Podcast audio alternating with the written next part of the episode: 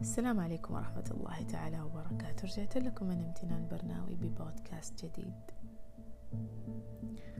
تصرفاتنا في كثير من الأحيان ما هي إلا محصلة لانطباعات من حولنا.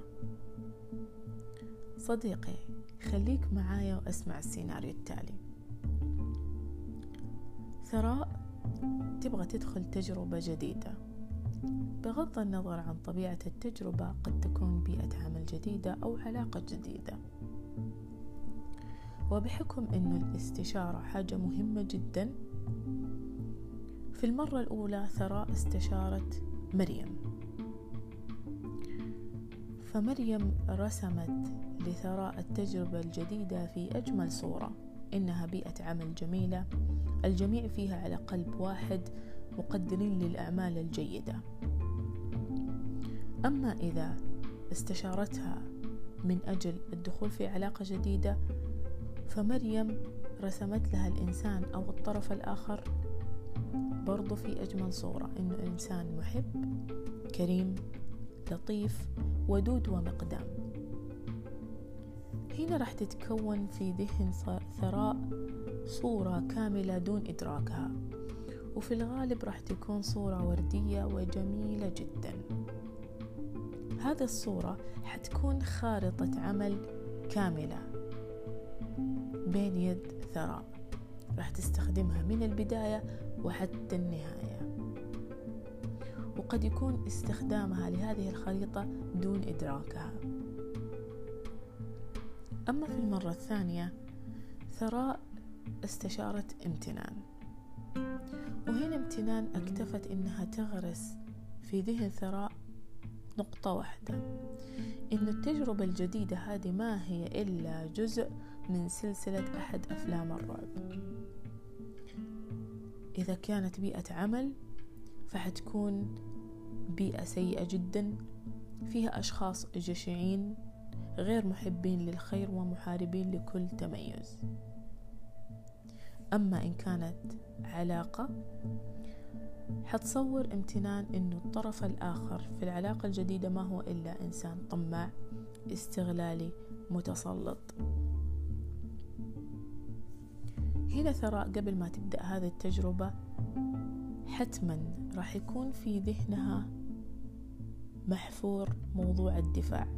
بطريقة لا شعورية لأن الإنسان إذا أحس بالخطر يكون في صورة دفاعية ومتأهبة بشكل دائم.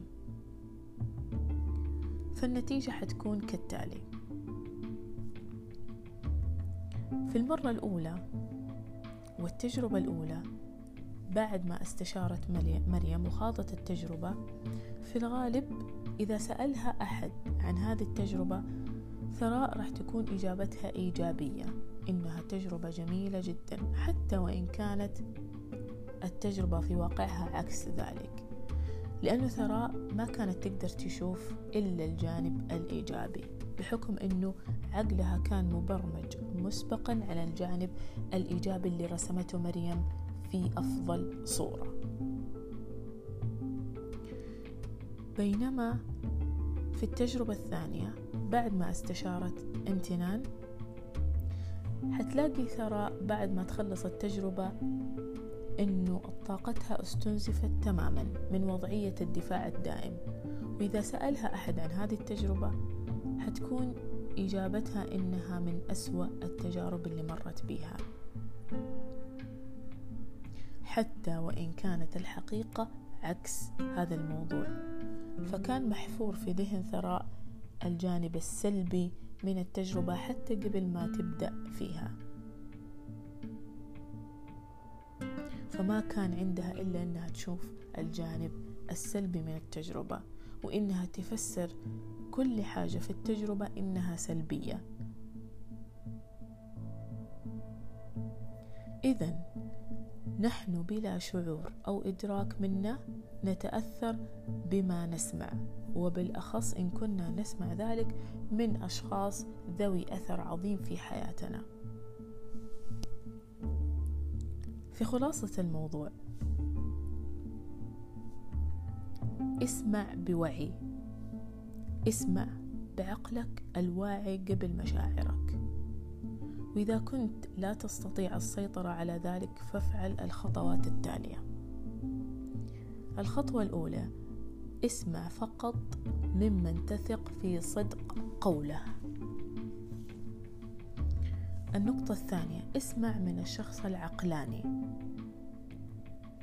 فهو الذي ينقل التجربة بواقعية فلا هو مبالغ في المديح ولا هو معظم للسلبيات. فزي ما نحن نعرف إنه لا تخلو أي تجربة من كلا الإثنان.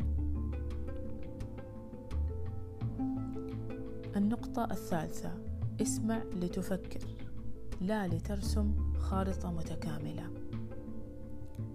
النقطة الرابعة اسمح لنفسك بالتجربة والوقوع في الخطأ البسيط دون المبالغة في الدفاعية أو الهجومية. في ختام حديثي ليس كل من تثق فيه هو أهل لنصحك. فالنصيحة لابد أن تكون خارجة بحكمة وبعقلانية وباتزان.